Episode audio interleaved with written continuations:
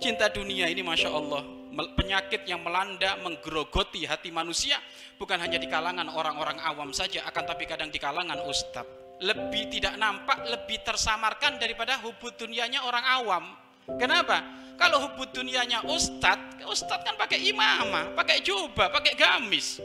Ngomongnya setiap hari pakai bahasa Arab kolan nabi kolan nabi kolan nabi. Tak tanya kolan nabi hanya pengen nyari amplop. Nah, ini kan bahaya makanya lebih lebih bahaya itu. Serigala berbulu. Nah, ini bahaya itu. Pakai baju kebanggaan para ulama tapi yang dicari adalah fulus. Yang dicari adalah pang pangkat. Maka hubud dunia cinta dunia ini bahaya. Hubbud dunya ra'su kulli khotiatin. Cinta dunia itu awal dari segala malapetaka.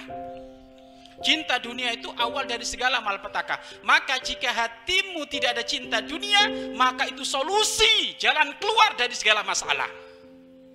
Kalau kamu sudah nggak cinta dunia, maka segala solusi pintunya dibuka oleh Allah. Kamu nggak akan susah.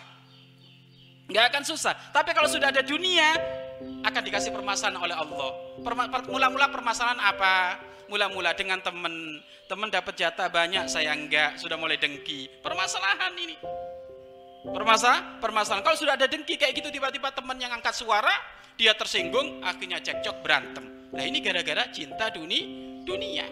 Makanya seseorang yang hatinya terlepas dari daripada cinta dunia, maka itu ada segala pintu solusi dari segala permasalahan. Ia tidak akan punya permasalahan di dunia ini. Asal jangan ada cinta dunia di dalam hatinya.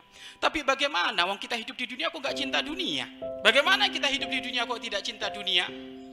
Boleh cinta dunia tapi jangan sampai kecintaannya melebihi kecintaan daripada akhir akhirat.